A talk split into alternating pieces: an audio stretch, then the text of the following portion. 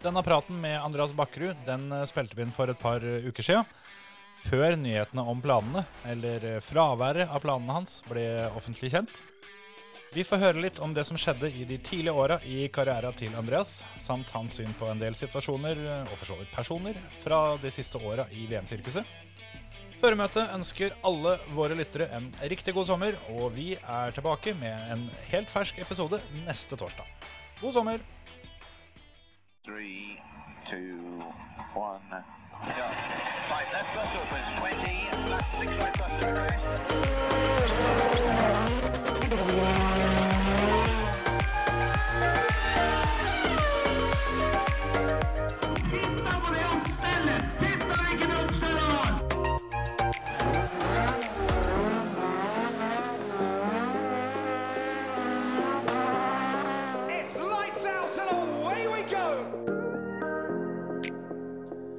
Og velkommen til en eh, spesialepisode av Føremøtet.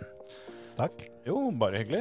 Vi må jo også ønske velkommen til deg, eh, Andreas Bakkerud. Tusen hjertelig. Kult å være her. Jeg har hørt på dere eh, fra Bergen, av alle steder.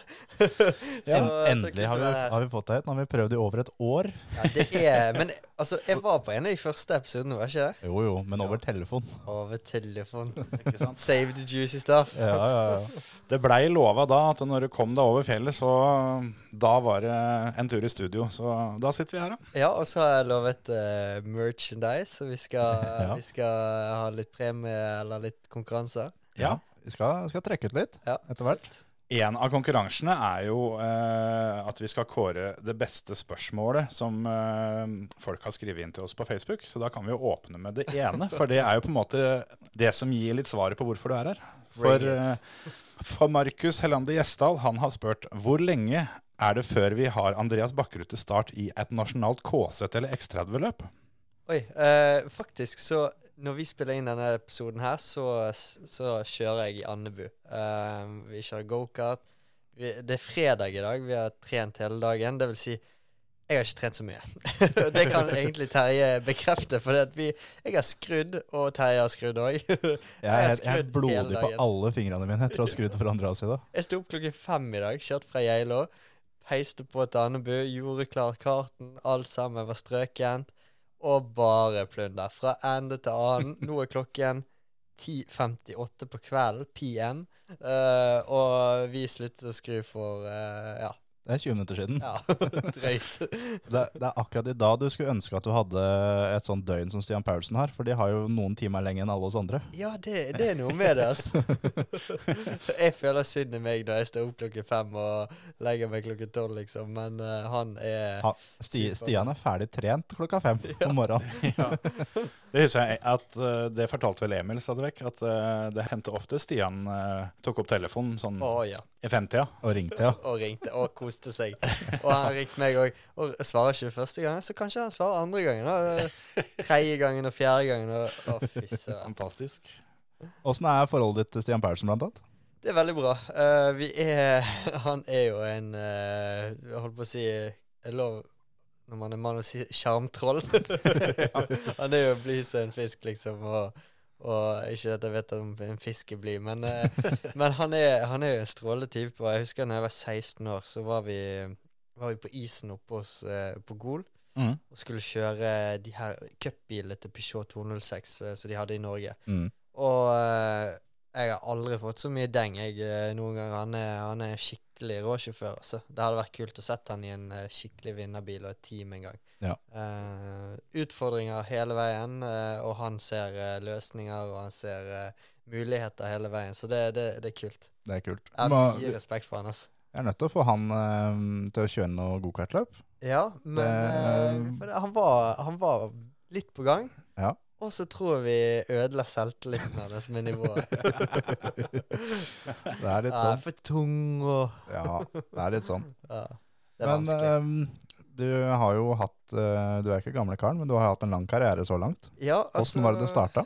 Uh, ja, hvordan var det det startet? Det startet jo egentlig med at min onkel og min far kjørte rallycross. Mm. Jeg er oppvokst i depotet, litt sånn som dere to uh, Altså, min far kjørte bilcross, og jeg eh, lekte med biler i, i sandkassen, holdt på å si, uh, sammen med Noen av dere kjenner sikkert til Daniel Holten. Ja. Eh, han var jo fra Vikedal, jeg var fra Bergen. Men min far og min onkel var konkurrenter med hans far, så vi, uh, vi kjørte kassabiler, og vi lekte med lekebiler, og vi, vi var eh, stort sett de mest drittne i depot. Hørtes kjent ut. Eller? Ja, jeg kjenner veldig igjen. ja. uh, og så gikk jo det da videre til når min far la hjelmen på hyllen, at uh, jeg kjøpte min første gokart da jeg var ni år. Alle dåpspenger, alle bursdagspenger, alle inn og ut av oppvaskmaskinen, støvsugerrommet og alle de der pengene man får da når man er liten. Ja, ja. Kjøpte gokart for 9000 kroner, en PCR. Pappa hentet den, og så sier han til meg eh, OK, her er karten din. Uh, nå trenger du sponsorer. Jaha? Ja, du må spørre naboen Atle. Så jeg gikk over til naboen Atle, tok av meg capsen og sa Hei, eh, nabo. Uh, jeg skal kjøre gokart. Vil du sponse meg, eller? Han snudde seg i døren, hentet en tusenlapp og ga den rett til meg. Og jeg tenkte jo liksom som niåring 1000 kroner. Dette er lett, tenkte du da. Ja. Så jeg gikk jo bare rett til neste nabo. så der har vel egentlig det gått slag i slag eh, hele veien. Eh, altså, gokart for meg var jo eh, fantastisk gøy. Jeg er jo en litt sånn Litt halvveis utadvendt bergenser, kan jeg vel si. Og så syns jeg det var dritkult å få så mange venner, da. Og ikke bare i Bergen. For jeg spilte jo fotball og, og har gått på fotball, langrenn, kickboksing. Uh, ja, nå sto det litt stille, men uh, jeg, har, jeg, jeg føler jeg har vært innom det meste. Du har vært innom alt. Ja, Uh, Aktiv også, type. Aktiv type. Jeg har hatt masse venner. Men nå fikk jeg muligheten til også å bli venner med østlendinger og øh, rogalendinger og Og derfor er det kun gått nedover. Ja. og jeg husker første gang vi reiste til Stavanger, så sier jeg til pappa Pappa, hvorfor snakker ikke de norsk? jeg skjønte ikke greia. Så nei, eh, det har gått, uh, gått slag i slag, da. Um, fra karting så uh, når jeg Jeg vil si at når jeg var 16 år og vi kjøpte rallycrossbil og begynte å drive det sjøl, så, så tenkte jeg OK, jeg ønsker å bli proff, da. Uh, og for min del så var det alltid de her små delmålene Mm. som uh, trakk meg opp, liksom. Sant? Eh, Det var viktig for meg at jeg var godt fysisk trent, at jeg uh, var mentalt sterk. Jeg brukte Jon, Haug, Jon Krognes. Ja. Og, og liksom hadde brikkene på plass, da. Så hørte jeg veldig mye på Anders Krohn, Stian Paulsen og andre De få kontaktene som jeg hadde, og så var det liksom Kjør det som du har råd til å kjøre, og vinn. Ja. Det er det som gjelder. Så enkelt er det. Og, og den malen følger jeg egentlig den dag i dag, da. Men var det sånn når du da begynte i gokart, hadde du som alltid tanken at eh, jeg skal til rallycross? Det er, det er altså, eller asfalt og grus blanda, da. Det er, det er dit jeg skal? Eller hadde du den der vanlige gokartdrømmen at det er Formel 1 som gjelder? Nei, jeg hadde aldri Formel 1, for det var så urealistisk som det kunne bli. Uh, oppi alt dette her så må vi huske at jeg er fra Bergen. Ja. Og i Bergen så finnes det én bane, og den har en gokartbane, den har en rallycross-bilcrossbane, eh, som er veldig utdatert. Eh, selv om det er jo fantastisk mange frivillige som hjelper og styrer og ordner, så har vi, sliter vi litt med godkjenninger, og det, det blir vanskeligere å bygge ut og gjøre store prosjekter ut av det, for ting er så usikkert for fremtiden. Mm. Så rallycross var det eneste muligheten. Vi har ingen rallymiljø i Norge. Uh, eller i Norge, sier jeg. I Bergen. Uh, Mm. vi hadde Rally Osterøy en gang i 2000 og pill og bue, og that's it. Ja. Um, ellers så nærmest banen er liksom Rudskogen innenfor asfalt, så Ja. rallycross falt veldig naturlig. Ja. Mm. Uh, det gjorde det. Og så var det liksom Jeg var litt sånn rett plass til rett tid i, i grenene, da. Eh, For rallycross var på en måte en billigere form for uh, motorsport. Der det var mulig å ta nivå for nivå. Og så eh, var vi en gjeng med Lars Øyvind Eneberg og Mads Lysen som begynte med rallycross junior som 16-åringer. Fikk dispensasjon, for vi kjørte ganske bra til å kjøre i, i toppnivå i Norge ganske tidlig som 16-åringer. Og derifra balte det på seg. Ja. Men apropos da toppnivå i Norge, så jeg kan ikke historie, men du kan i hvert fall. For det er med en NM-runde på Gardermoen og Even Wold. ja. Even Wold har vi hatt som eh, gjest her sånn. ja. Kan ikke du fortelle litt om det? Ja, det kan jeg si. at Even var jo min argeste konkurrent. Jeg begynte jo det året med liksom ikke, Altså, jeg hadde jo respekt, men eh, jeg var jo 16 år og rimelig tøff i trynet. Ja. Og når jeg da så at NM-gullet var mulighet, så skulle jeg bruke alle triksene jeg hadde i boken. sant? Uh, og Even var jo egentlig raskest hele sesongen. Han hadde liksom mange års erfaring og fantastisk bil, ikke minst. Uh, og så var vi ganske jevne, liksom. Men jeg hadde piken med meg, liksom. Altså, jeg kjørte raskere og raskere raskere utover sesongen. Vant det nest siste løpet, kom til Gardermoen. Jeg måtte vinne, han måtte bli nummer tre. Jeg husker det som det var i går. I finalen så sto jeg pole position, og han sto i andre spor. Og så husker jeg i, i, i finalen, da, på startplaten, så klesser jeg opp førerdøren rett i passasjerdøren til Even, og så synger jeg Gullet skal hjem, hjem til Bergen, gullet skal hjem. Bare for å drive psykologisk spill. Ja. Og, og, og jeg husker jeg kjørte et par runder. Jeg tok starten og, og ledet. Kjørte et par runder, så jeg i speilet hele tiden. Han er rett på, og så kjørte jeg veldig rolig i, eh, før eh, jokeren. Ja.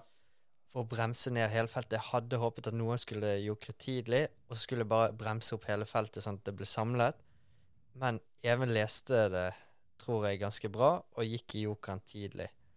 Og så måtte jeg bare gønne på en runde og gå jokeren, og da hadde jeg luken til han til å, til å vinne, da. Men jeg fikk ikke han ned på tredjeplass. Så, så uh, jeg ble tidenes yngste NM-sølvvinner den Ja. gangen. Så det, det, var, det tar jeg med meg. Tapte NM. Uh, Tapte i gåsetegn NM med, med ett poeng. Uh, det var en fantastisk sesong og en veldig, veldig gøy opplevelse.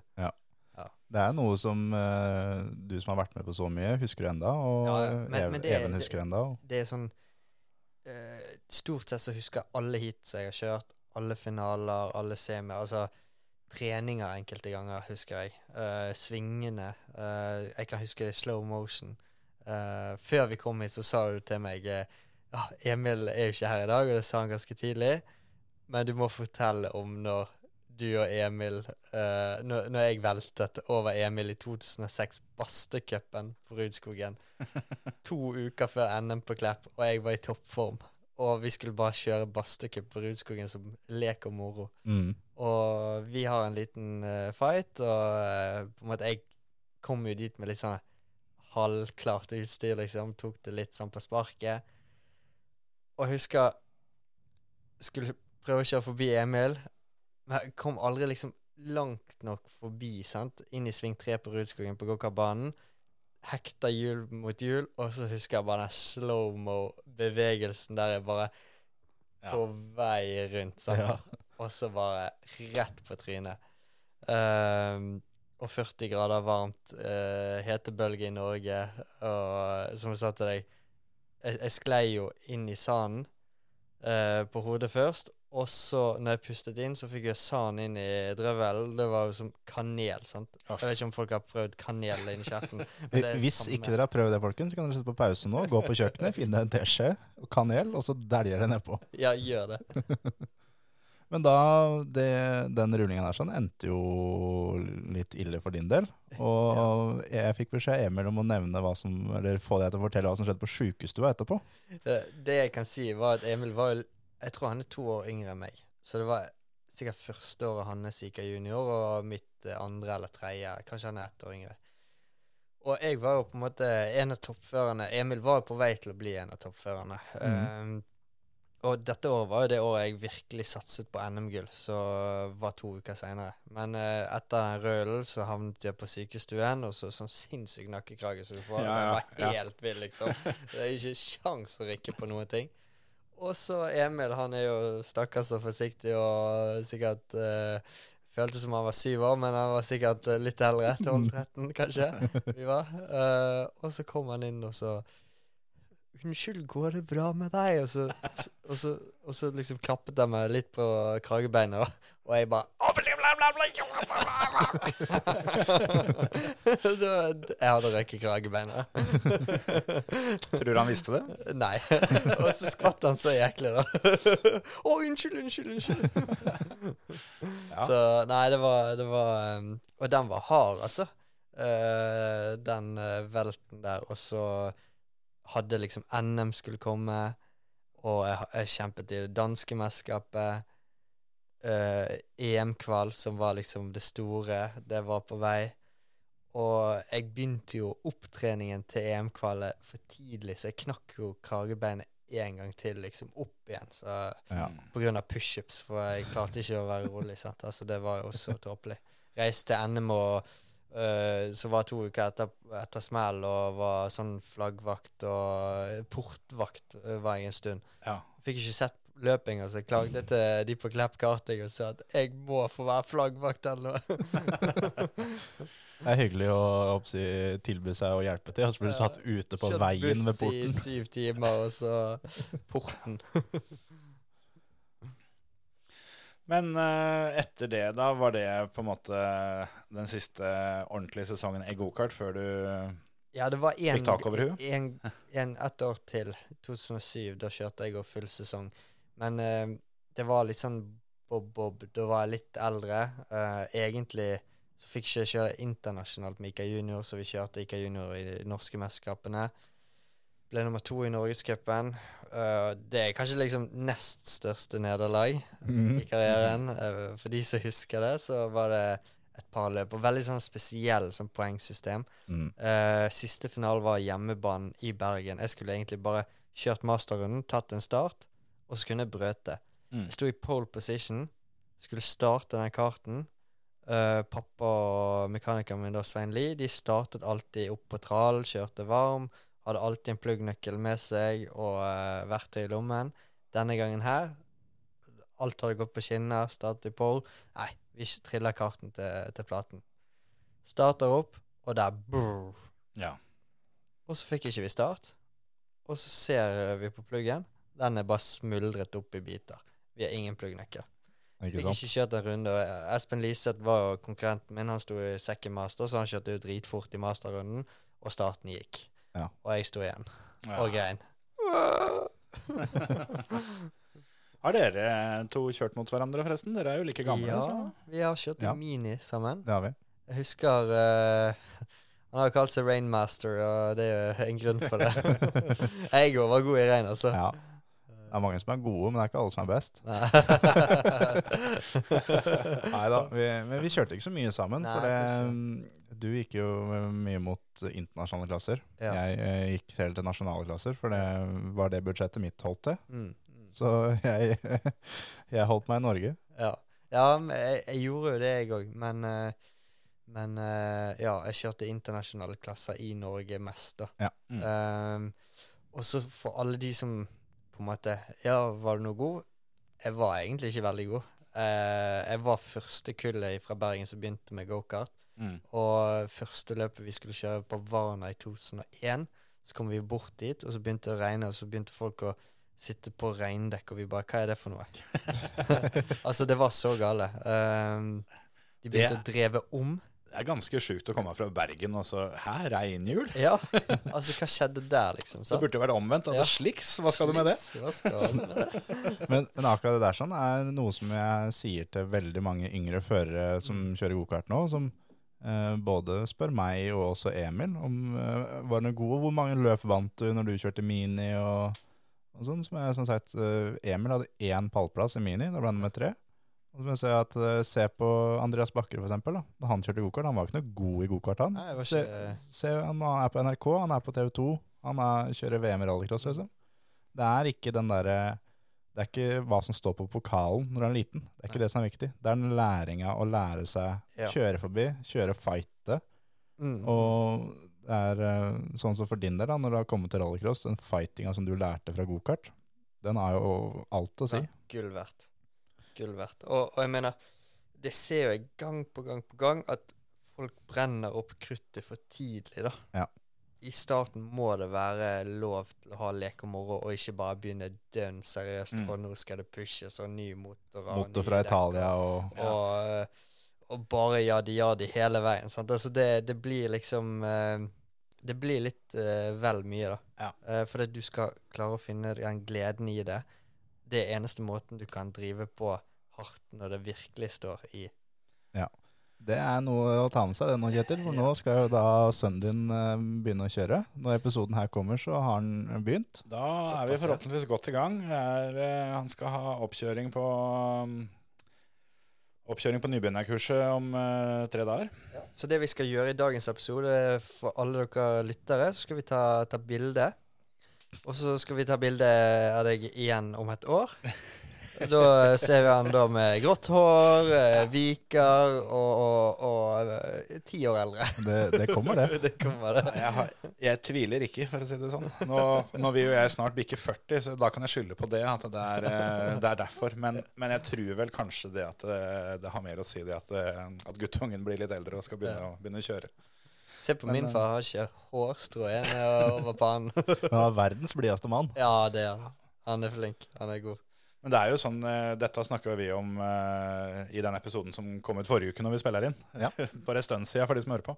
Det med at det, det er viktig å ha fokus på at det stort sett skal være moro. Når du begynner å Ja, er vel sånn som jeg tenker at det er vel viktigere at, at guttungen finner ut satsingsnivået Eller jentungen. Ja, når den tid kommer for min del, og jeg har jo en av hver. Så den dagen kommer, den òg. Men ja, at, at ikke det er jeg som på en måte skal dra ungene oppover i klassene Mm. før dem sjøl vil, da. Mm, ja, og det ser jo veldig sånn trend nå, da. sant? For når vi var yngre, så stakk man til Italia og kjørte treningsleir når man var 13-14-15 år. sant? Ja. Og da holdt man ut til man var, man var 18-20. Ja. Nå så er de i Italia når de er syv år og spiller på iPaden, og så jager foreldrene i, kartene. Og så gir de seg når de er 13 år, når foreldrene er drita lei, og de må, ungene må begynne å skru litt sjøl. Mm. Eller tomme for penger. Eller tomme for penger. Altså, det er um, Man satser hardt disse dager, ass, i Ja. eh, ung alder. Og eh, ære være til de som gjør det, liksom. Og det kan gå alle veier. Eh, men, uh, men ja. Det, og jeg eh, sitter ikke på noen fasit. Jeg er mer på den troen at uh, det er ingen rød tråd til Roma. Nei. Eh, Mm. Så jeg dømmer ingen. Hva er det beste rådet Eller hvilket råd er det du skulle ønske du kunne gitt deg sjøl når du var eh, 12-13-14 og kjørte gokart? Som du, som du veit nå? Oh, altså, jeg, jeg skjønte ikke så mye når jeg kjørte som som lilleputt, holdt jeg på å si. Jeg skulle kanskje Ah, det, det er vanskelig å si, altså. For jeg har, jeg har kost meg Jeg koste meg med gokart. Gokart for meg har alltid vært kosen med, med alt sammen. Uh, det var først når jeg begynte med bil at liksom læringskurven har vært bratt, altså Mm. man kan kjøre linjer, man kan være vant med fart og alt det der, men bilteknikker og oppsett og demper og differ og høyde og vektoverføring og Differ, så jeg bare ringer til Ja, Henning og Petter før. ja. Jeg vet ikke hvor mange ganger de har ringt meg og spurt om differ. mine, men det de ikke få. Men det med, det med den eh, gokartbakgrunnen din, eh, det er vel noe, i hvert fall ut ifra mine øyne, noe som du har tatt med deg videre de seinere årene når du har kjørt VM. For det, det har ikke vært få ganger som vi her på podkasten egentlig har diskutert det òg, at uh, en del baner og spesielt svinger og, og sånt som vi ser at uh, der ser du at uh, han har kjørt mye gokart før. Ja, Sånn som siste svingen på Hell f.eks. Uh, tar jo du gjerne på en litt annen måte. Ja, absolutt. Også i tillegg så er det liksom sånn her Om vi ser tilba- tilbake til 2018-sesongen, jeg kjørte mot Mathias Ekstrøm, som er Norges svar på Petter Solberg. Sveriges. Uh, ja, Sveriges svar. uh, så var det for meg mentalt en veldig, veldig tøff sesong, fordi at skal stille opp mot han som har bygd teamet, han som har bygd bilene, han som har eh, vært i biler i så mange år, og er en lederstjerne og har vært i Audisport i 17-18 år. Han var lynrask. Han var lynrask fra dag én. Jeg tror det var tre og et bak han per runde i første dagen av testen, første testen vi kjørte, og jeg kom ned kanskje åtte tiendere fra han etter tre dagers test i Belgia. Jeg måtte bare tenke på hva er det jeg er god på. Mm. Jo, start, racecraft, fokusere på de positive tingene, fokusere på det jeg er god på, ikke legge for mye vekt til det jeg er dårlig på. Mm. Og på den måten så klarte jeg å utkonkurrere Mathias store deler av sesongen. Mm. Jeg husker det, det som jeg alltid har syntes vært uh, veldig imponerende med, med deg, kontra flere andre nordmenn, er at du aldri har på en måte vært for god til å kunne ta imot tips og råd Mm. fra andre. For Nei, jeg husker uh, i 2015 år, så var jeg på Lyden Hill, og hadde fått billetter av deg og greier. Det var jo også da, for dere som vet hvem Andreas eh, er på sånn Nå, nå skal ikke alle komme til meg og spørre etter gratis Nei, nei, var ikke, det. Men uh, du er jo et surrehue. Ja, det er jeg. Sånn, sånn, like. sånn skikkelig. Og jeg hadde snakka med Andreas og spurt om han kunne ordne noen billetter. Og ja, det kunne han gjøre, liksom. Og fikk, Dette her blir bra, tror jeg. og fikk liksom eh, fikk, Jeg spurte sånn Du er helt sikker på at det er billetterne vi kommer fra nå? For nå reiser vi da fire stykker. Ja ja, det er billetter. Vi ordner en billett. Det vet du, det er ikke noe problem. Ikke billetter. Og, og kommer da i, på Lyden Hill, i, i, i porten der, da. Og han sier sånn eh, Yes, da har du billettene deres? Ja, Andreas Bakkerud skal ha lagt inn noen billetter. Og han går gjennom da navnet. Altså. Det er ikke noe billetter for Andreas Bakkerud her. Da står vi der da, på Lyden Hill, treninga er i gang, og jeg bare Ok, eh, da må jeg ned og snakke med Andreas. Ja, men Det er VM-runde, du kommer ikke bare inn her.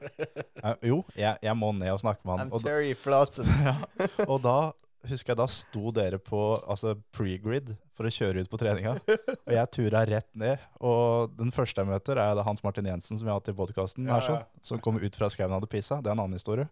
Og går rett bort, og da til døra til Andreas, som da sitter klar og skal ut og kjøre trening, og bare um, Hei, hvor er billettene våre?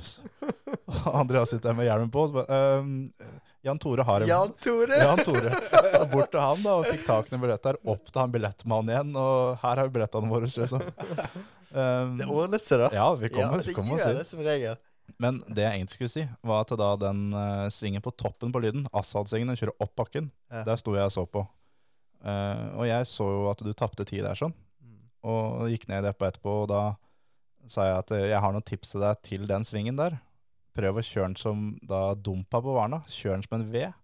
Og da husker jeg at da hadde jeg sagt det til en, en annen nordmann, så nei, men jeg kjører VM, det gjør ikke du, liksom. Slapp helt av. Men da husker jeg at jeg ble ordentlig interessert i å høre på det jeg hadde å si, og faktisk prøvde det etterpå, og det funka. Mm. Og det er sånn Jeg tror det er ganske viktig å være såpass ydmyk da, hele veien. Ja, det Og, og greien er at å være en utøver, uh, spesielt i motorsport, tror jeg, altså i mange idretter, så er det mange verdensmestere. Mm. Og så er det liksom uh, mange tips. Og jeg velger å høre eh, på mye av det. Og spesielt noen personer overfor andre. sant? Og, og jeg mener, jeg har jo stor respekt for karting, og du har jo veldig kartingbakgrunn. sant? Eh, og det er ikke alltid at uh, de tingene man tenker sjøl, alltid er riktig. Eh, så jeg tror at det er viktig å veie opp og teste, i alle fall. Og se litt hvordan Tenke litt, vele litt på tingene. Verdt Ok, et forsøk. eh, det er verdt et forsøk. Mm. Og det er noen ganger folk sier noe til meg så jeg ikke gidder å prøve engang. For at om jeg tenker på det nei. Men i denne, dette scenarioet så, så brukte jeg det videre, liksom. Mm. Så jeg tror det er viktig for lærekurven òg at man, eh, man gjør sånne ting. Jeg tenkte på eh, en gang du ikke var så interessert i å, i å høre på råd. eh, var en gang i Portugal, var det det? Eh, Når Fredrik Brenna Lund Ja. hadde funnet ut at han skulle, skulle lære deg om veien, liv og lyse. Du, dette her skal jeg fortelle oss. Fredrik Brennalund. Uh, oh, eh, brenner med hendene, holdt jeg på å si. Vi, vi kan snakke i dagevis om han. Men han uh, Jeg var jo på en måte under vingene til Og jeg er fortsatt under vingene til Team Norway og, og det som var Eller det som er landslaget, da, i norsk bilsport. Og hadde Fredrik Bendelund som coach, og hadde ganske tett samarbeid med han. Og så var han veldig sånn som vi var inne på i sted, det er mange som kommer til meg og sier masse greier. liksom, 'Å, du må gjøre sånn og sånn og sånn.' Og Fredrik var sånn 'Du må drite i hva alle sier!' Stol på deg sjøl. For han var coach på, på det fysiske, og mentale. Og Han hadde, ikke- absolutt ikke peiling på bil. Om han går i revers, da er det rasergir, eller om det er første andre. Så lenge det spinner, så er han fornøyd. Men da, eh, da kjørte Petter jækla fort det året med DS3-en, mm. uh, og han var helt overlegen. Og så kom meg og Reinis uh, med verv og Olsberg Fiesta, og de understyrte jo så grådig. Uh, for alle dere som sitter hjemme, søk på 2014 med Olsberg MSC. Det, det, var, det var mye understyring. Det var raske biler for all del, men vi, vi understyrte. Og så kom eh, Fredrik bort før vi skulle på startplaten. Tok han hånden rundt meg og sa Du, Bakri, prøv å sladde litt mer i siste svingen der, da. og jeg bare Fredrik, hva er det du har sagt til meg i over to år nå? jeg tror du skal holde deg til coaching. Fysisk trening. Han sa jo det når han var her som gjest, og da, da gikk det opp det lyset for han. At det er greit, da utøverne skal få lov til å gjøre det de vil. Han skal fine-tune. Men eh, vi må litt tilbake igjen i tid til når du gikk over fra gokart til bil. Mm. Eh, for da kjøpte du en eh, eldre rallybil som du, som du skulle kjøre med. Og da har jeg hørt om at det, eh, det skjedde litt på en sånn media da, Ja, det stemmer. I, på hjemmebanen. jeg var 16 år og hadde akkurat fått meg rallycrossbil. Mm. Og så kjøpte vi en Opel Corsa sånn cupbil, rallybil, eh, som de hadde i NM eh, før tiden. Og den var akkurat lakkert, i lyseblå selvfølgelig, og lakken var ikke tørket engang. Og vi klistret på med reklame og hadde mediedag på Eikås Motorsportsenter i Bergen. Um, og min onkel sier til meg før vi kjører at vær så snill, mediedager, det går alltid gale. Kjør med innsiden. Ja, ja, ja, ja, selvfølgelig. Så jeg kjører en runde, varmer opp og kjører gjennom girene og liksom sånn så og alltid gode ting. Og så kommer første journalisten inn. Putter første, putter, spinn på første, spinn på annen. Ut, inn i første sving. Skal liksom sette opp på sladd. Kutter litt svingen. Flikker rett rundt, ruller to ganger, setebeltene løsner. og Jeg havner i fanget på NRK Hordaland-journalist. Jeg husker ikke engang hva hun heter, men uh, hun var veldig hyggelig. Så det var, det var en uh, opplevelse. Og eh, ja, jeg feilet vel der. Jeg kjørte aldri igjen med den Corsaen. Har du hatt mediedager etterpå som du har hatt med passasjerer? Eh, Det har jeg. Eh, Veldig få, faktisk. For jeg har aldri eid noen bil eh, siden 2010. Eh, sånn at eh, jeg har ikke hatt muligheten til det. Men eh, det har heldigvis gått litt bedre de få gangene jeg har gjort det.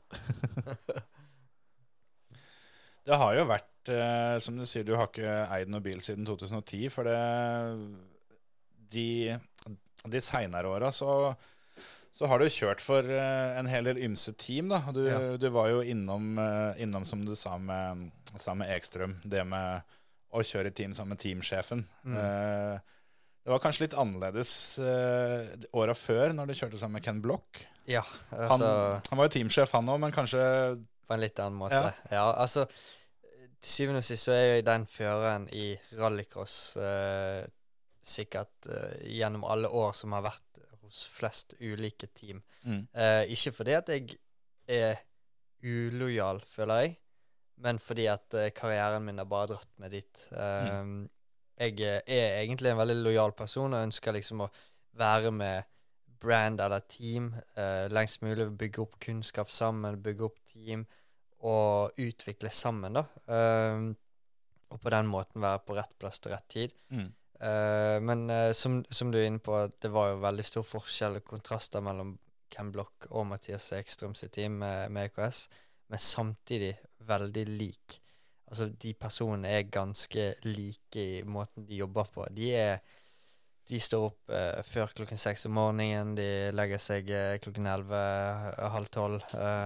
Det første de gjør, er å drikke kaffe eller cappuccino som eh, Eller espresso heter det faktisk. Eh, jeg er ikke voksen ennå, så jeg drikker ikke kaffe. Eh, men de, de er jo arbeidsfolk. Ja.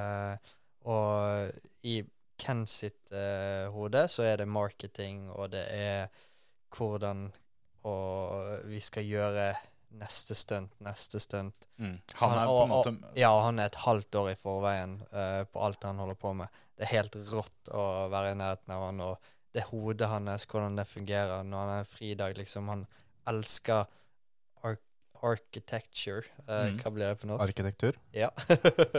det var egentlig ikke så vanskelig. Eh, så jeg husker liksom første møte jeg hadde Eller første jobboppdraget vi gjorde, var å reise til Ford i Detroit og møte Henry Ford den tredje. mm. Eh, som også var en dritkul opplevelse. Og så hadde vi en dag fri. Og da tok vi egentlig bare leiebil og kjørte rundt og så på hus, og jeg skjønte jo ikke en drit. Jeg, eh, ja, det er et hus, den er rød, det er rød, det er hvitt, og så det andre er svart. Men han så på konstruksjoner og liksom Han begynte jo egentlig Han har egentlig utdanning som arkitekt Mm. og, og design på hus og sånne ting. Så det, og det har han tatt med seg videre til klesbransjen og sko og, og den Mm. biten der. da. Så han er veldig flink med data og Illustrator og alle de her programmene. Så han har et bredt register. da. I tillegg så er han jo supertalent innenfor all idrett. liksom. Han er Mm. mannen nå 52 år, 53 år kanskje. Tar backflip eh, fra timeteren. Eh, står på snowboard, fighter MMA, kjører rallycross, rally. eh, kjører eh, vannskotere og snøskotere. Han, han gjør alt. Mm. Mannen Mm. gal. Alt som er gøy. Ja, alt som er gøy. Men det da, det Huningen-teamet, da hadde du kjørt eh, to år i Olsberg, to eller tre. Stemmer. Og åssen var det det liksom eh, kom på plass, det Huningen? Kontakta de deg, eller kontakta du de? De kontakta faktisk meg, og det var jo litt spesielt, for jeg så på telefonen min, det var etter Trondheim i 2015. 2015 hadde jeg også faktisk en fight med Solberg. Hvilke år hadde jeg ikke det i hell? Eh, og så ser jeg på telefonen ubesvart andre på amerikansk nummer, og så ser jeg under melding. Hey, this is Cam Block. Uh, I think I have some racing possibilities for you for next year. Please call me. Og jeg bare Så jeg holdt på å miste telefonen. Ja, det var sykt kult. Uh, reiste over da uh, og møtte han og prøvde å selge meg inn for alt jeg hadde, liksom. Um, og vi fant tonen med en gang. Så to fantastiske år uh, med hund igjen, og det er bare helt ellevilt. Uh, kult å få oppleve det. Synd å oppleve det så tidlig alder. uh, eller så tidlig i karrieren, kanskje. Eh, men to år jeg ikke ville vært foruten. Og vi, vi har den dag i dag veldig god kontakt, da. Så gleder meg til covid-perioden er over Mm. og alle vaksiner er satt. Så skal jeg stikke bort og hilse på. Og se på hus. Se på hus. Og du sa jo da til meg i bilen på vei hitover at du har hatt eh, hjertesorg én gang, og det har med hundingen å gjøre. Ja. Kan ikke du fortelle om det? sånn skikkelig hjertesorg. Det var, det var jo nok eh, Når Ken fortalte meg at det ikke ble noe mer med Ford, og, og at uh, han ikke kunne tilby meg en videre kontrakt for uh, 2018. Og det var litt spesielt, for uken før kjørte vi i Latvia.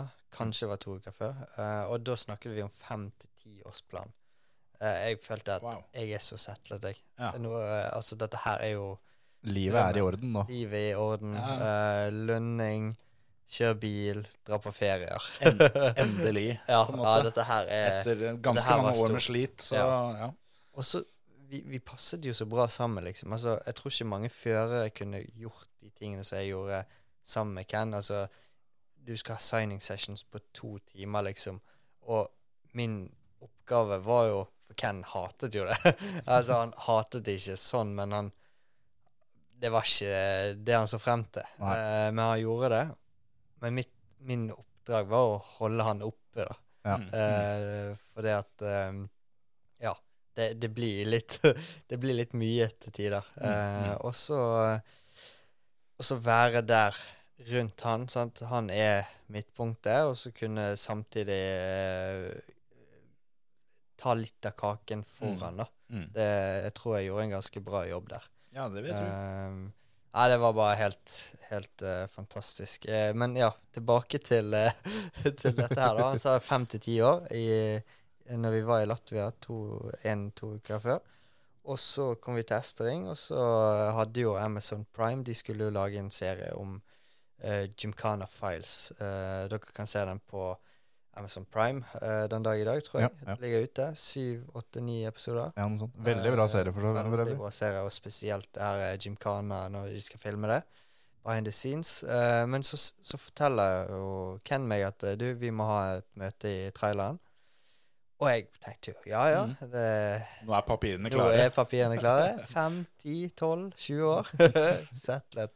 Så kommer vi inn, og så sitter vi oss ned, og så begynner liksom sånn her Trykker på noen følelser, liksom sånn Du er jo mitt fjerde barn. Sant? Mm. Og, og den var litt sånn der Ja, altså, jeg, jeg er jo jeg kjenner jo kidsa hans ufattelig gøy. Eller gøy, sier jeg godt.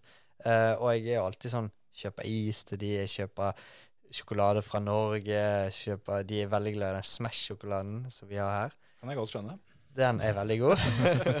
Snackerud approved. Um, og så går han over til Runder det med at Unfortunately, we can't give you a contract, uh, further contract for, for uh, next year and the future. Og akkurat der da så bare ja, han kødder. Mm. Det er bare fordi at jeg hadde ballongpranken uh, i Latvia helgen før, liksom. Men så skjønte jeg at uh, dette her var ramme og alvor, og liksom TV-kamera og alt sammen var jo glemt, liksom. Jeg var skikkelig knekt. Ble det uh, filmet, eller det- Det ble filmet, og det ble Det var uh, Holdt på å si mikrofoner inn på rommet, og så jeg Det var jo ikke noe privacy, det var jo full Det var full sipping. Og så, når vi kjørte løpet i Tyskland, så skulle vi til USA etterpå. Ja. Eh, og så Ken satt jo foran i first class, og jeg satt med kveget lengst bak. det var meg og sjiraffen og det som se. Og så husker jeg satt i midten der, liksom på høyresiden. Og så uh, tenkte jeg jeg må, jeg må bare se noe som gjør meg glad. Så jeg sitter på Cars 3. Og hva tror du skjer i Cars 3, da? Lightning McQueen. Han er utdatert. Han får babybil. og han bryr seg om andre og lar andre vinne. Og jeg, jeg, det, jeg satt der i midtraden med to uh, uh, folk som jeg ikke visste hvem var på høyre og venstre side, og jeg, jeg grein så dagen var lang. Hele den flyturen. Jeg lurer på hva de tenkte. Ja, det lurer jeg på. Jeg syns skikkelig synd i meg. Jeg sa I'm uh, emotional touched with this movie. Look at cars. Ja. Poor Lightning McQueen. Nei, så det var Den kjente jeg. Mm. Altså, den, det var en trykk eh, som eh, sitter langt inne, altså. Du hører på Førermøtet, Norges beste motorsportpodkast. Men når du da var å si, ferdig i Huningen, så, så fikk du jo landa kontrakt med Audi og EKS, og da trodde jo både du og, og alle nordmenn at eh, greit, nå, han var sikra før, nå er han enda bedre sikra. Nå Mm. Ja. går det veien for Andreas. Ja, og den var jo eh, Det skjedde ganske fort, egentlig. Det som skjedde, var liksom meg og Jan Tore, og det gir jeg Jan Tore all, all æren for, for jeg reiste ut til USA. Ringte Jan Tore og sa at uh, Mathias hadde jeg snakket med siden 2013. Uh, 2013 så vant jeg mitt første løp i supercar i Høljes. Jeg vant. Mathias ble nummer to. Etter den gangen så har meg og Mathias ringt to-tre ganger hver eneste uke. Uh, og han, han tok jo kontakt, og jeg bare «Å, Mathias Ekstrøm, liksom. Så det falt naturlig at ring til, til Mathias, se hva vi kan få til. Jan Tore fløy til Stockholm, møtte Klas Boman, som da var CEO av EKS. Og forhandlingene gikk ganske smooth, og vi hadde egentlig ting på plass ganske tidlig. Mm. Jeg skrev en treårsavtale med Audi Sport og EKS, og var fabrikksfører. Fikk en Audi RS7 i Tyskland, og skulle flytte til Tyskland. Begynte å Det første jeg gjorde, var å Jeg skulle lære meg tysk, sant. Mhm. det er litt morsomt, for jeg kjøpte Post-It-lapper. Hvordan skal jeg lære tysk? Jo, du, noen har lært tysk på, eller andre språk på å skrive Post-It-lapper. Liksom vindu, det var fenster. Klistret jeg opp en der. Og så kylskranke, det er kjøleskap. Eh, kjøredress. Jeg fant et eller annet navn på Google Translate, det var sikkert helt feil. Og så var det liksom eh, tannbørste, og det var dolokk, og det jeg, jeg hadde 250 Post-It-lapper i denne leiligheten min. Og så eh, morsomt, morsomt var jo det at jeg skulle holde dette litt skjult, da. Mm. En periode. Og så noen av mine sponsorer i Bergen, de er jo også kompiser av meg. Mhm. Så skulle vi opp og ha et lite sånn eh, forspill, da. Og jeg hadde jo Du vet jo hvor sløv jeg er, Terje. Ja, ja, ja. Jeg hadde jo glemt de Post-It-lappene. så de kommer inn, og så bare Hellan, Andreas. Du har jo 18 Post-It-lapper på tysk. Lurer på hva du skal kjøre neste år. Ja. Nei, det, det, er, det er alltid detaljene, er det ikke det? Absolutt. Så det som skjedde, var jo det at vi begynte jo sesongen, og så, og så når vi kom halvveis, da, i avtalen så sto jo det det at om ikke jeg presterer så og så, eller Audi hadde iallfall rett til å Mm. rive avtalen innen en viss dato, og da gjaldt ikke den lenger. Mm. Og det gjorde de akkurat uken før, eller noe sånt. Vi var i Canada og fikk beskjed uh, om at det ikke ble noe. På Mm. grunn av at uh, de nye CO2-reglene som kommer i, fra 2022, Mm. hvor la oss si Audi da, som bilmerke, deres beste merke som de har mest avanse på, er RS-modeller. Mm. La oss si hver RS-modell de selger nå, så må de selge tre elbiler.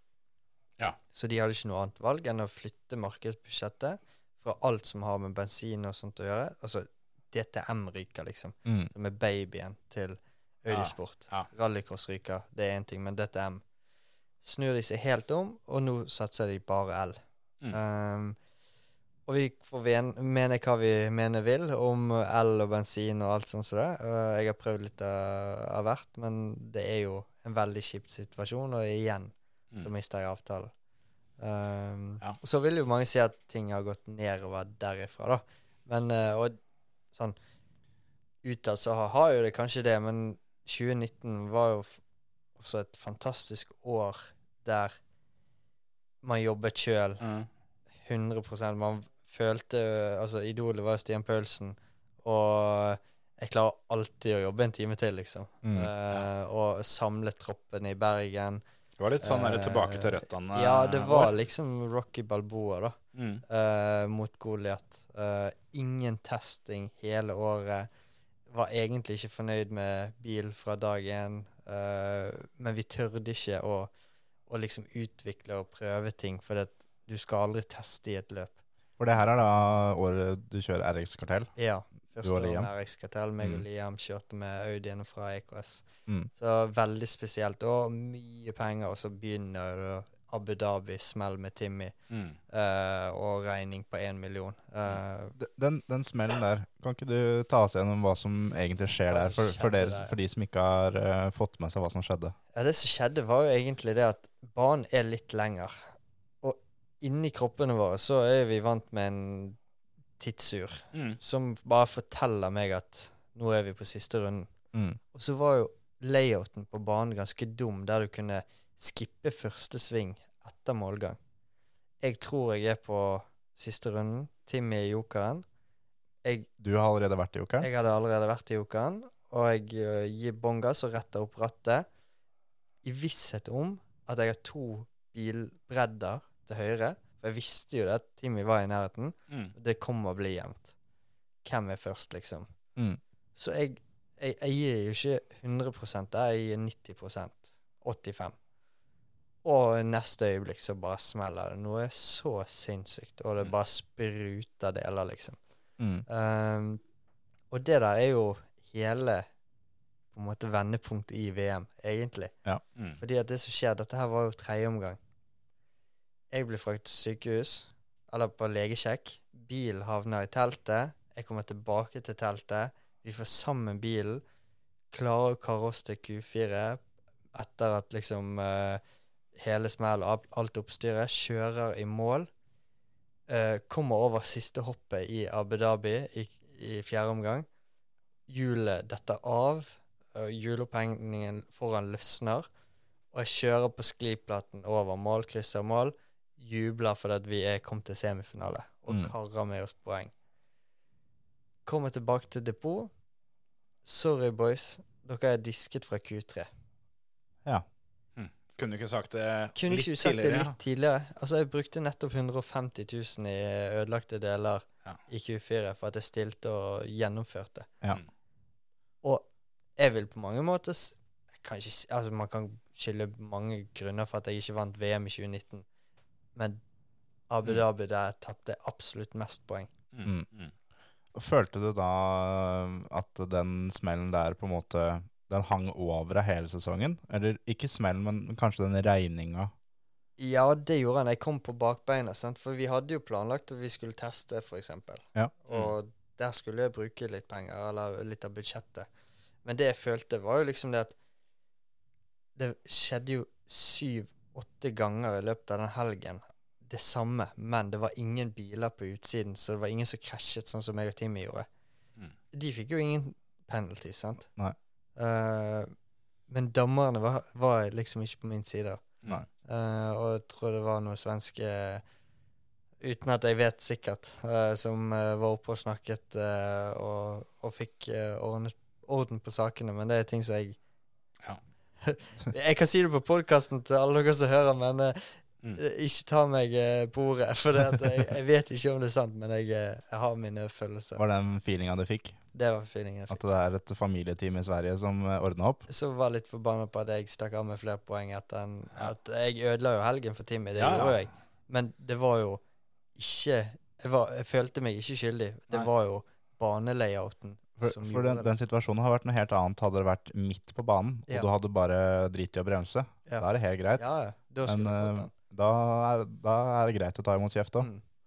Um, Men der, jeg følte liksom ikke jeg fortjente det. Jeg ville jo aldri gjort noe sånt. liksom. Nei, nei. Jeg hadde jo alt å tape på det. Ja. Vi, vi kjempet jo som nummer én og to. Det var liksom Timmy mot Andreas hele sesongen, og så begynner Abu Dhabi bare Bam! Der satt den. Ja. Men da, den, den sesongen der sånn ble jo da jevn og hard. Ja. Så kommer det til Sør-Amerika, Sør-Afrika. Mm. Og Apropos dommerrom og et svensk ja. familieteam. ja, for det Vi har jo lest i VG hva som har skjedd og alt sammen. Og nå føler jeg at nå skal vi få den usensurerte versjonen av hva som skjedde i Sør-Afrika 2019. Mm. Ja, det skal dere få. Eh, for For, første for, så for der var det sånn at uh, hvis du vant og du hadde litt flaks videre bakover Litt det samme som på NM med Even Wall. Ja. Så kunne du da bli norgesmester. Nå kunne du bli verdensmester. Jeg reiste ned til Abu Dhabi ett poeng bak Timmy. Sør-Afrika. Sør-Afrika, sorry. uh, og det var jo en veldig tension der, for det, det var jo fem-seks uker ventetid fra forrige løp. Så man gikk jo og tenkte på dette løpet hver eneste dag. Skulle legge seg, så tenker du liksom Cape Town. Hva følelser får jeg der? Sant? Tok det der med deg hele tiden. Tenkte, tenkte, tenkte. Trente som pokker. Hadde treningsleir med Fredrik Brenner Lund, kjørte gokart. Gjorde de forberedelsene jeg kunne. Gikk gjennom all data fra året før. Annenhver dag, liksom. Var helt idiot. Fløy ned dit og, og kjente virkelig på den følelsen av at liksom Shit, nå, nå gjelder det. Mm. Følte meg dritpigg fra dag én. En ting som Timmy skal ha creds for, er at han er veldig sterk på nye dekk. Nye dekk i rallycross gir deg en eh, et lite ekstra Som i stort sett all motorsport. Nye dekk gir deg en liten peak der du kan hente to-tre tiendedeler de første rundene. Mm. Uh, første omgang var så sykt viktig. Timmy hentet uh, et par tiendedeler på meg første og andre runden, og så i sin omgang, eller i Q1, så var Timmy raskest de to første rundene, og jeg var raskest de to siste. Mm. Mm. Kom i mål som nummer to bak Timmy, to tiendedeler på fire runder med joker. Ja. Og da fikk han være sjef. Ja. Da var det han som eh, på en måte dikterte Ja. tempo. Og det må, da måtte jo vi lage jo en strategi som var annerledes hele veien. Mm. Så vi ble stående på brukte dekk i Q2, Q3, Q4. Heldigvis for oss så begynte Niklas Grønholm å blande seg inn. Mm. Så jeg husker i Q4 så sto Timmy pole, jeg i andre, Niklas i tredje. Jeg måtte ha Niklas til å vinne for at Niklas skulle være point leader. Mm. Mm. At ikke Timmy fikk 16 poeng. Mm. Og at jeg ble nummer tre og fikk 14, for da hadde det blitt tre poeng. Mm. Så ut av starten så legger jeg bare bilen min i siden på Timmy, og det som skjer da, er at begge biler går saktere rett fram, Mm. og Niklas runder oss inn i første sving. Så, så det var kalkulert fra Det var din side? kalkulert fra min side. Ja. Uh, det var jo i samarbeid med Mathias. eh, liksom Vi har gjort det Ja. ganske mye uh, opp igjennom. Ja, Hvis du spør Timmy, så er det jo ikke noe annet som skjer enn at de der store stygge Audiene holder på å kjøre på dem. Alltid. Ja. Nei, så Å å kjøre Q4, og totalt sett så blir Niklas nummer én, Timmy to, jeg nummer tre. Jeg tapte ett poeng, nå er to poeng bak. Ja. Jeg står med Niklas i semifinalen, og vi er i semifinale én, og kjenner jo virkelig nå at eh, nå gjelder det. Jeg husker veldig godt, eh, og det kan dere se også på Bakkerud Life, eh, som er YouTube-serien min, og sneak promo inn her. For all. Eh, og den episoden er jo veldig bra, syns jeg. Mm. Eh, vi tar med radioopptaket mellom Mathias Ekstrøm, og jeg husker veldig eh, godt liksom de tingene som vi snakket om på radioen på vei til griden, liksom, at vi begge hadde litt sånn gåsehud, og, og Mm. Det er dette her vi lever for, da. Eh, Sånne øyeblikk. Og, og det skal jeg også gi til Timmy. Han var på topp den helgen. Mm. Jeg var på topp den helgen. Det mentale, selv med alt det presset, Mm. så kvaler vi nummer to og tre. Og vi står i semifinale, liksom. I semifinalen med Niklas, semifinale én, så tar jeg starten fra utsiden og, og, og kjører foran han. Jeg sleit alltid med hårnål på grusen. Mm. Så i fem runder, når han ligger bak, så kjører fort på hele banen. Kommer til grusvingen, kjører litt roligere og vrir bilen. Den runden han går i jokeren, så makser jeg alt. Så går jeg i jokeren og kommer ut rett føre. Mm. Det sikrer meg frontposisjon i finalen. Mm. Mm.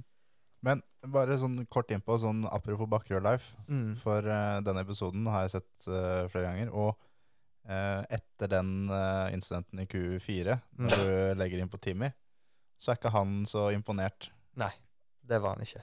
Hva, hva var det som skjedde da?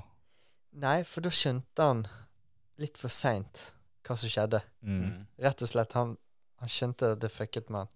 Og, eh, og det var en sånn her Rallycross er MMA Mm. i motorsport. Da tok du tilbake overtaket på mange Ja. måter. Jeg ga han en skikkelig karamell, så Mm. han Han, han fikk noe å tenke på. Hodet begynte å Ja. spinne. sant? Og, og det drabber ikke bare han, det drabber jo Kevin. Det er jo det som er liksom nøkkel med hele teamet. Det drabber jo alle. sant? For det er en familiesvakhet, kall det det. At eh, de, de har følelser opp og ned som, som alle andre, men ekstra, da. Uh, og i tillegg, meg og Timmy var jo i den boblen og den situasjonen som vi var i.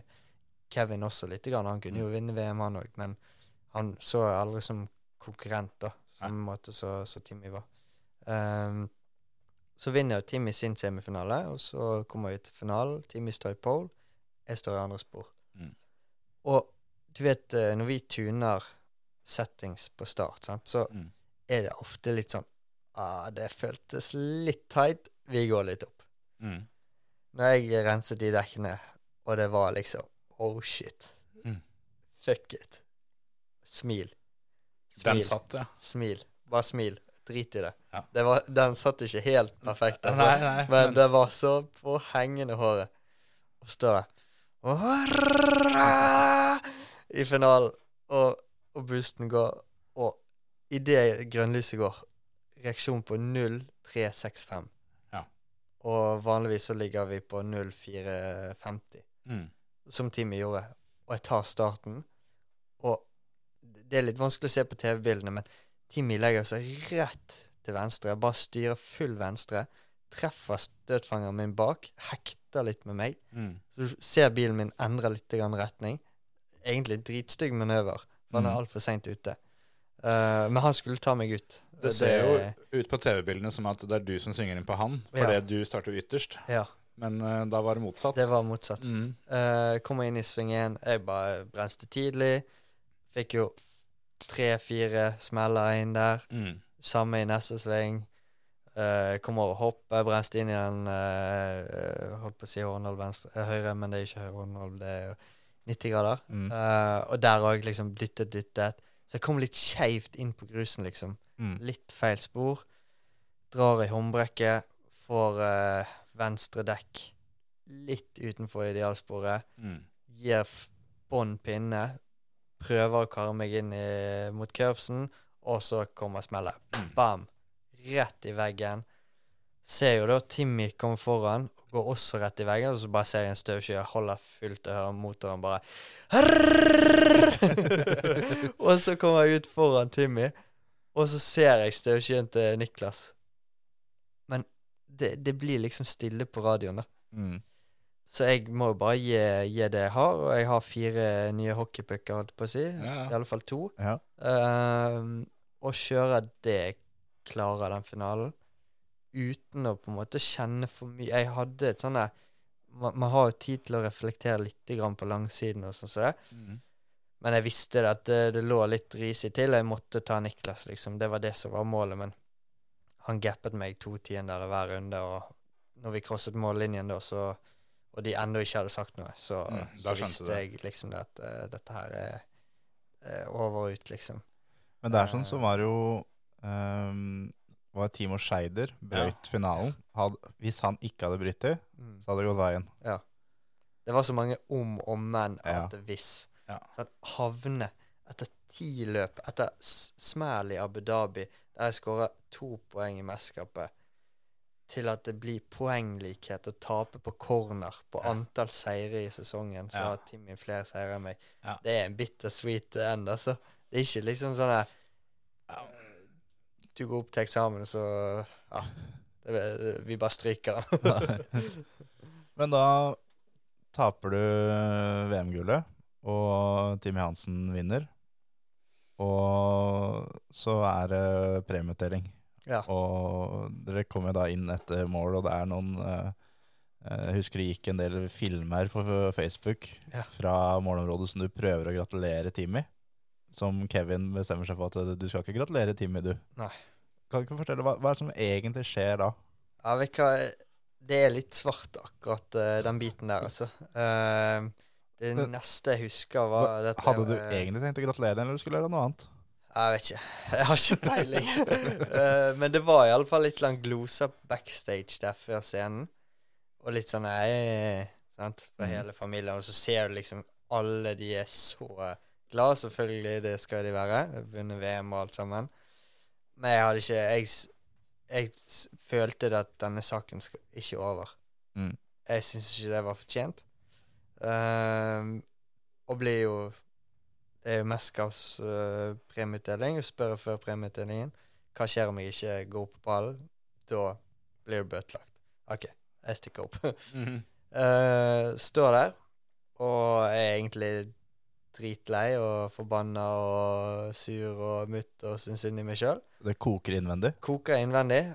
Og så begynner Kevin da å sprute kjampis på meg. Å, fy. Ja. Jeg tror vi må legge den ballen død, for jeg kjenner bare koker inni meg. Men, eh, men ja. Det går jo videre til at det blir jo en jurysak. Og det blir ikke en jurysak fordi at vi skulle begynne å snakke om incidenten mellom meg og Timmy. Vi går inn i en jurysak fordi at Hansen Motorsport har lagt inn en protest på meg pga. farlig entrance to the track. Rejoin, ja. Eh, rejoined track eh, etter at jeg ble kjørt av banen av Timmy. Ikke sant? Eh, jeg så jo ingenting, og som jeg sa til dere, jeg holdt jo full gass. Mm. Kjørte mot banen. Men det er jo Kevin Altså, jeg møter Kevin inni den skyen med støv. Der traff jeg Kevin. Men det er jo Kevin. Viser jo veldig tydelig at Kevin kjører i meg, og han snurrer. Mm. Um, og det er ikke jeg som Ja, for det, Som sånn som jeg husker det, så er det vel nesten Timmy som tar ut Kevin nå. På, Det er det. Så Men Så, så vi går da inn i et juryrom, og så kommer vi over da til VM. Ok, mm. Jeg husker Tommy Rustad var der, som fører kontakt for, eh, for FIA, Mm. eh, og, og litt sånn som det. Og det jeg reagerer på den dag i dag, er jo det at jeg kom inn der med min eh, På en måte Han som vi hadde satt som team manager, som var da Joe Norton, Mm. eh, som egentlig er en veldig ung ir irre. Mm. Eh, skulle selvfølgelig hatt en eh, med litt mer pondus eh, i ettertid. Mm. Og så får hele Hansen-familien stille. Altså det er Kevin, Timmy, Susann og Kenneth. Ja. Og det vi må huske på, er at Kenneth er 14 ganger europamester i rallycross, og Susann er jo europamester, tror jeg. Mm. Eller vunnet løp. Ja. Eh, Og har vært i sporten i en mannsalder. Og så spør jeg hvorfor er Kevin her? Nei, han er her som vitne. Mm. Kevin var bil nummer fem inn i incidenten. Mm. Innborden hans, han ser ikke annet enn støv.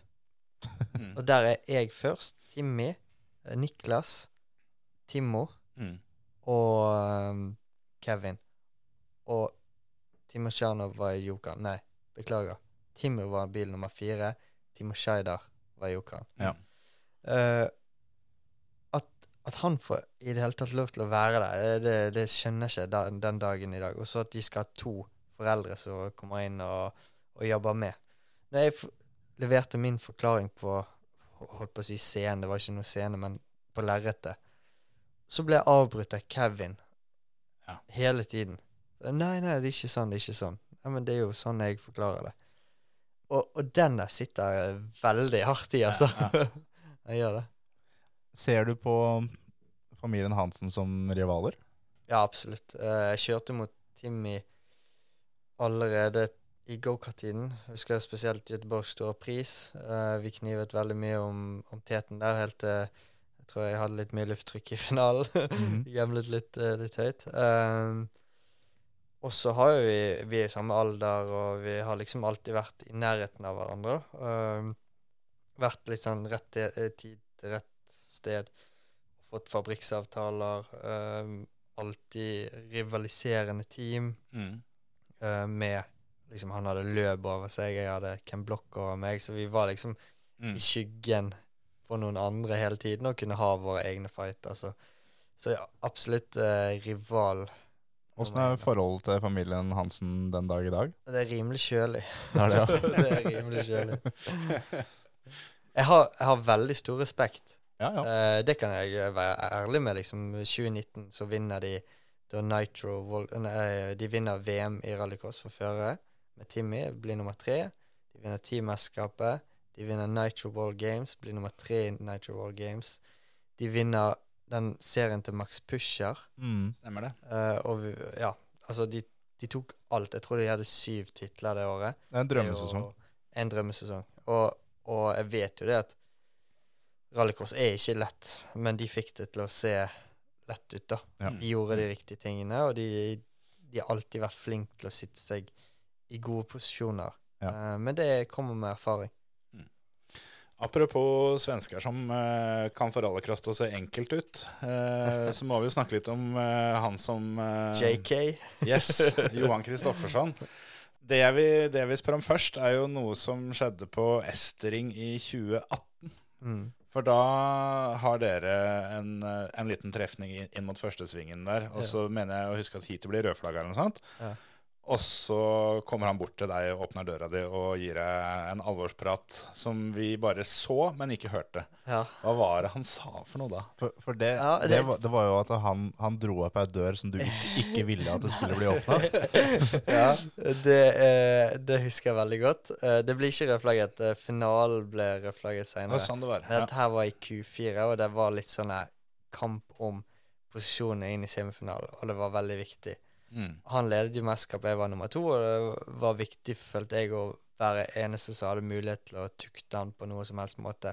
Kjørte litt Even Wold-taktikken der, da. Prøve litt mental trening, eller men mental eh, Ja. utsyking, holdt jeg på å si. Mhm. Eh, Og sa til han egentlig rett før start at eh, eh, du får bare håpe at du har verdens reaksjon og god start. Ja. For jeg legger meg inn med én gang, og det er ikke kødd engang. Så jeg- Sa du det? Ja, jeg sa det til ham. ja, ja. Som sagt, så Og der gikk starten, og jeg la meg rett inn. Og han var, ikke, han, han var jo der, men han var ikke nære nok. Mm. Og han tapte masse på det. Han går vel i autovernet? Han går i autovernet, og, eller må bremse og komme sist eh, i feltet, og tapte jo Jeg tror jeg gikk opp til første intermediate, og han gikk ned til fjerde eller tredje eller noe sånt. Så, og måtte stå på utsiden, sant. Mm. Og det er klart at når jeg sk- skulle stå der og skulle bli intervjuet etter heatseier, så var det en rimelig sur Johan Kristoffersen, og det var dritdigg. ja.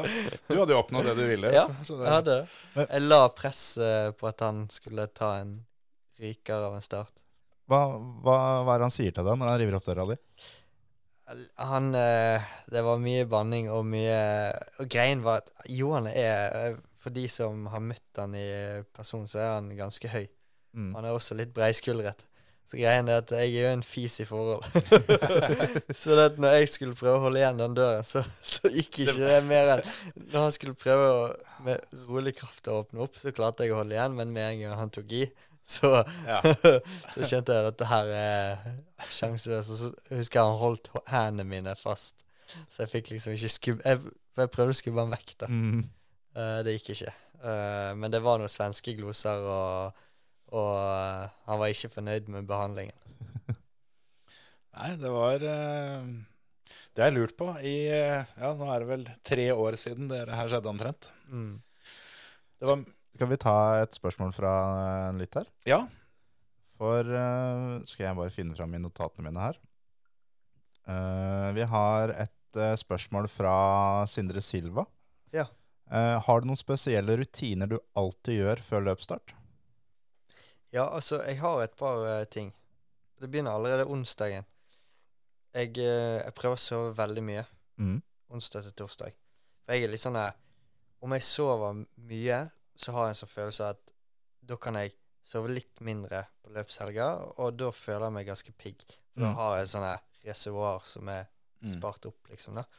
Eh, og så har jeg mine ting. Alltid høyre sko først. Alltid morgenen. Alltid på morgenen. Ut av sengen, høyre fot først.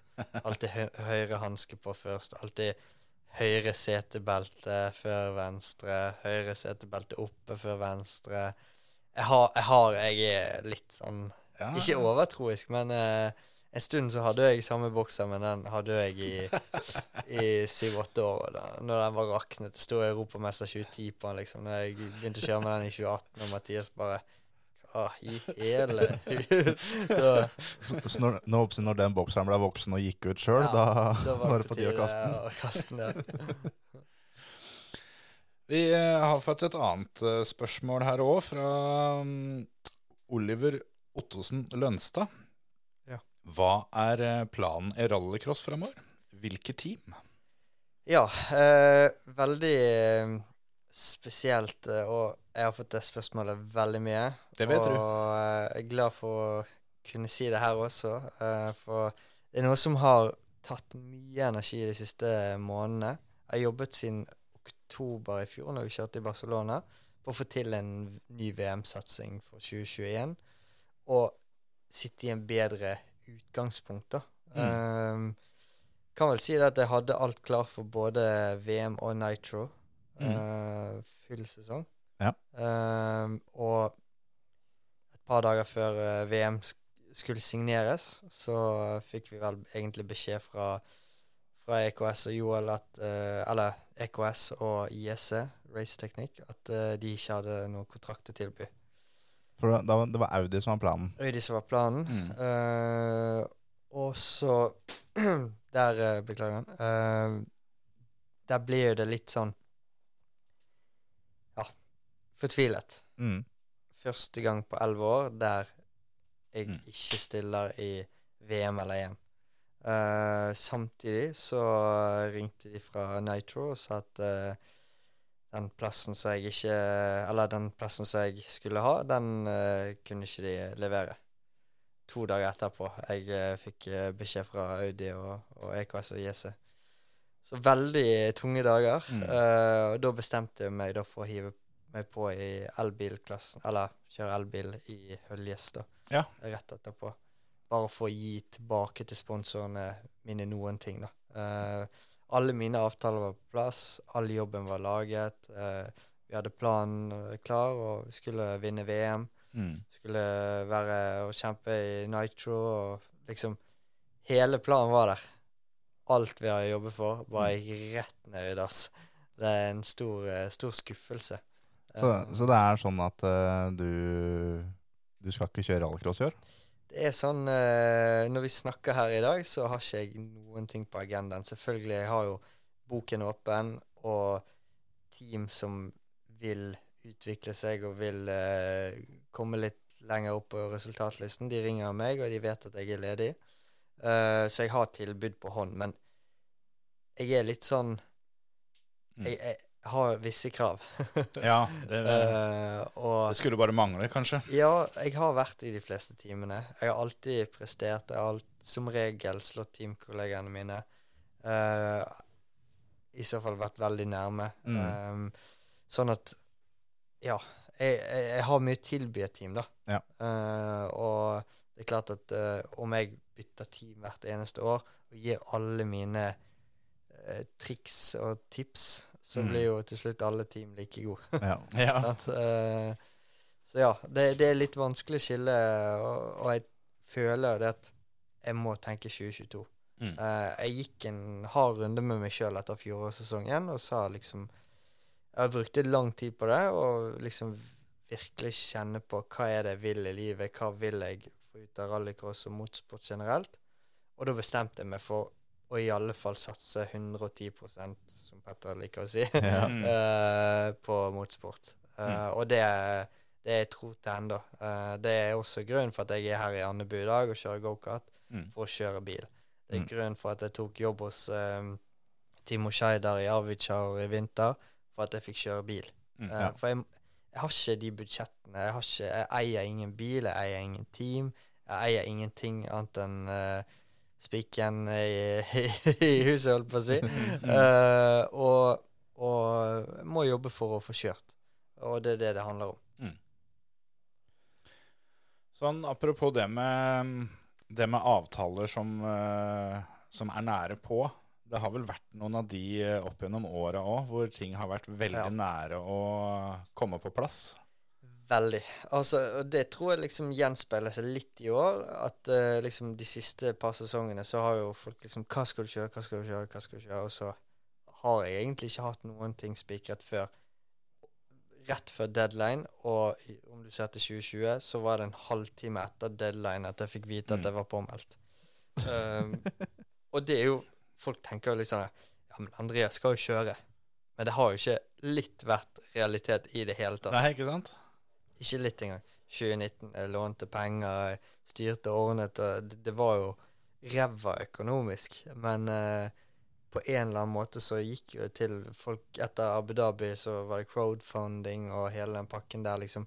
Og jeg, jeg har aldri villet komme dit, da. Mm. Mm. Det var ikke drømmen, men, men det var realiteten at jeg, jeg eh, måtte gjøre det. Mm. Uh, og, og takk til de som gjorde det. For dette, uh, selv om det ikke var million, så var det mye penger. Så, Ja, ja. Mm. så, Absolutt. ja.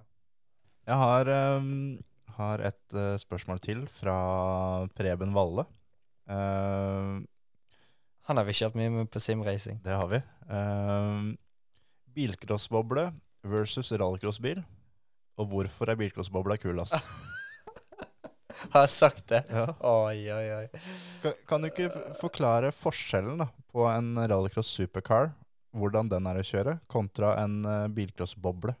Ja, altså det, det må jeg si at dagens supercarbiler er jo blitt veldig lettkjørte etter at uh, det ble fabrikksteam og sånne ting. Og vektfordeling av motor, alt ble så sykt bra, liksom.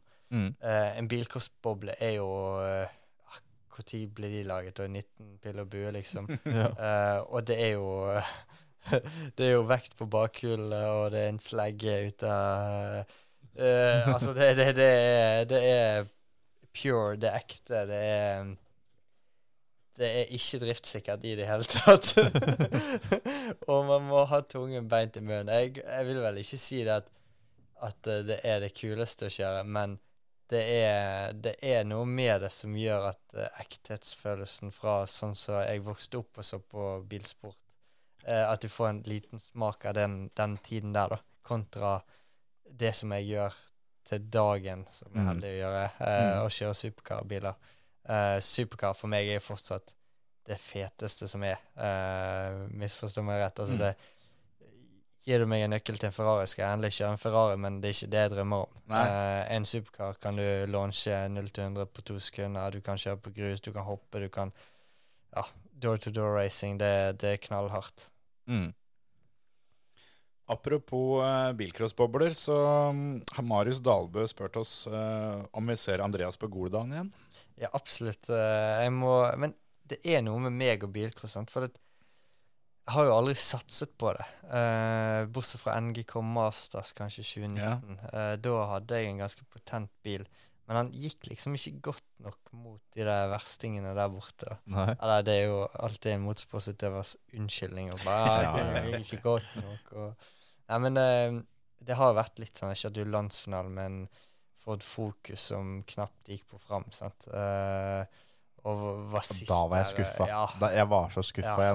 for jeg visste om så mange Escort MK2 er til salgs. Ja. Tenkte at Andreas kjører Ford, Han kommer med en, hel, en helverst Ja. Ford med MK2 her nå. En Ford Focus stasjonsvogn. Det var så vidt han orka varme hjul. det kommer du med, liksom. Alle øyer på deg. Ja, og så var det litt sånn her Golsdagen òg, sant. Eh, fikk jo låne biler som drev igjen, som egentlig var en kjempebra boble, liksom.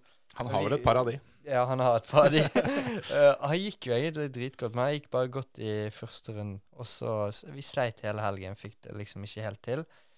Og da blir det litt sånn eh, Jeg ble nummer 63 ut av 118 uh, førere, liksom, sant. Men jeg har ikke utstyr til å Nei. hevde meg med, sant. Og jeg ønsker en dag å stille på et bil, kanskje Golsdagene, Mm. uh, som er et av ja, kanskje det største i Norge. Uh, nå blir det sikkert fighten. Ja, landskampen og Mm. landsfinalen og Jeg tror ikke det er veldig feil å si at uh, Goldalsløpet er et av, et av de største, i hvert fall. Ja, det er helt sant. Og jeg ønsker å stille der en dag, Mm. uh, men det kommer på budsjett. Altså, jeg, eh, jeg er ikke en sånn som Altså, jeg er eh, Mange tenker på lønn og sånn som hva jeg har tjent i rallycross og sånn som så. Ja, jeg eh, har hatt uh, mine lønninger der, men alt jeg har tjent, det har enten dekket lånet som jeg har brukt på rallycross tidligere, eller på å utvikle meg sjøl som fører, som nå kjørte Mustang i eh, DTC eller rally med Anders Grøndal. Og det er jo det som jeg syns er kulest med min karriere. Mm. At jeg har vært et ja-menneske hele veien. Jeg har kjørt altså DTM-test med Audi Sport. Det er jo en av Eh, få nordmenn som har kjørt DTM-bil. ja, det er, det er sykt heftig. Uh, Ford eh, Nei, jeg har kjørt uh, Formula Renault 3,5 liter. Jeg har kjørt full Mesca i Troffe Andros. Jeg har kjørt Pikes Peak, VM i rallycross, EM i rallycross, Super 16 og Supercar. Mm. Jeg har kjørt folkrace, bilcross, gokart, masse gokart. Jeg har kjørt DTC i Danmark med, med Ford Mustang. Uh, Gymkaner. Uh, jeg har Mm. kjørt alt mulig som jeg har hatt muligheten til å kjøre. Sant? Og det er litt sånn Jeg har kjørt Lada Cup i Latvia, Ja, ja. som er noe av det sykeste. Det går så dårlig, men det er så gøy. Rulle til og med. Og fikk full jubel. Det husker jeg vi to diskuterte, Terje, at det greiene der skal vi prøve ennå. Ja, Ja, ja, ja. Det er, og det er ikke Du har jo god kontakt med Rennis Ja. Nitis. Kan du Ja. ikke få ordna tre biler der nede, så vi I kan stikke den alle sammen? connection. Ja. Ja, jeg tror kanskje det hadde vært noe. altså. Jeg spinner på første, spinner ikke på andre. da går jeg rett i kjelleren. Men eh, apropos Reinis Nitis, eh, så har vi snakka litt om teamkompiser opp igjennom. Eh, hvem er den beste teamkompisen du har hatt? Beste teamkompisen som jeg har lært mest av, er jo selvfølgelig Mathias Ekstrøm, men gøyeste teamkompisen er jo teamet til Mechano, for det, det kommer så mye rart ut av kjeften på han. så det eh, man kan jo sitte på noe debrief og bare Hva planet er det han er på? Mars eller Jupiter eller altså, Han er ikke på jorden, i alle fall. Men det, det Ja, jeg, eh, jeg digger eh, og det er litt sånn eh, Jeg er ikke så fan av så mange i rallycrossen, egentlig, for alle er jo konkurrenter, Mm. sant? og vi har konkurrert i mange år. Og jeg har litt sånn rivalisering med ganske mange, da. Mm. Men Timur er en som jeg eh, som person da bare digger. Mm, mm. Han er dritkul. Er det sånn, eh, for jeg regner jo, vi snakka litt om det i stad, med mm, Timmy og Kevin Hansen, at det er uh, kjølige forhold. Er dere på hils? Ja, vi kan si hei. Ja, det, si hei. det Men det er ikke sånn nødvendig. Nei, du, du, du kan gå rett forbi òg. Ja.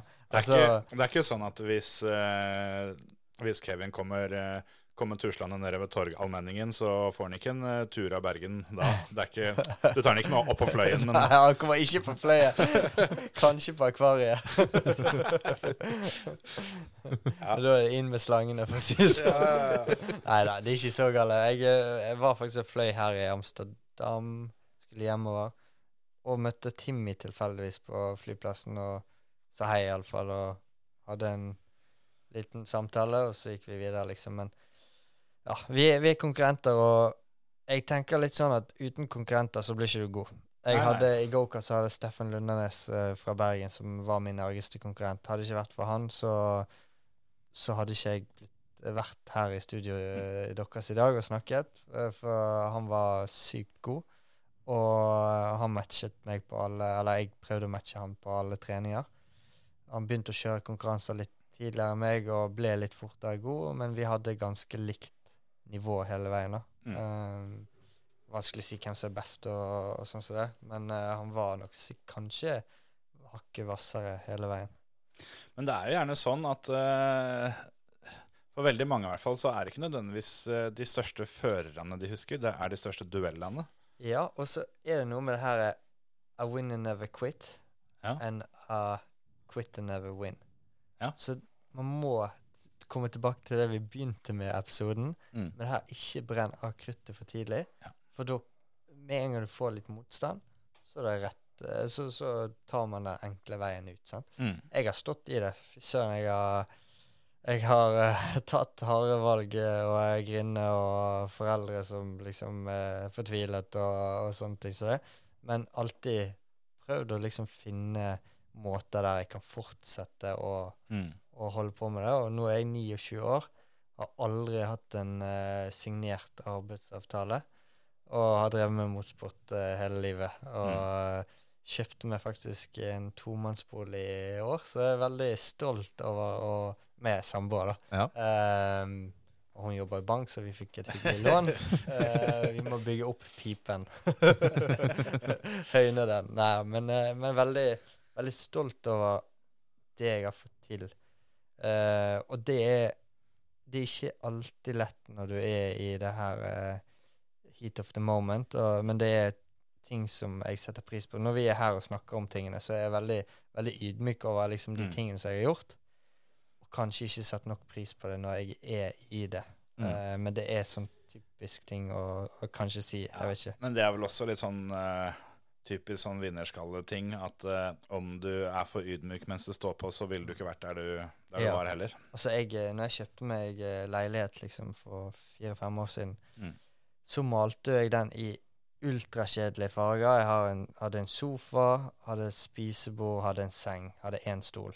Mm. Jeg skulle ha denne her leiligheten til oppbevaring, egentlig. Uh, Mm. Og jeg skulle ikke få en sånn følelse at jeg vil hjem. Jeg vil være on the road. Jeg sa ja til alt. Jeg Mm. reiste må jeg huske, jeg reiste 250-270 dager i seks år på rad. Ja. Uten å tvile. Ja. Mm. Jeg ville bare reise. Og du angrer heller ikke. Angrer ikke. Jeg angrer på at jeg ikke vet mer geografi enn eh, det jeg gjør i dag.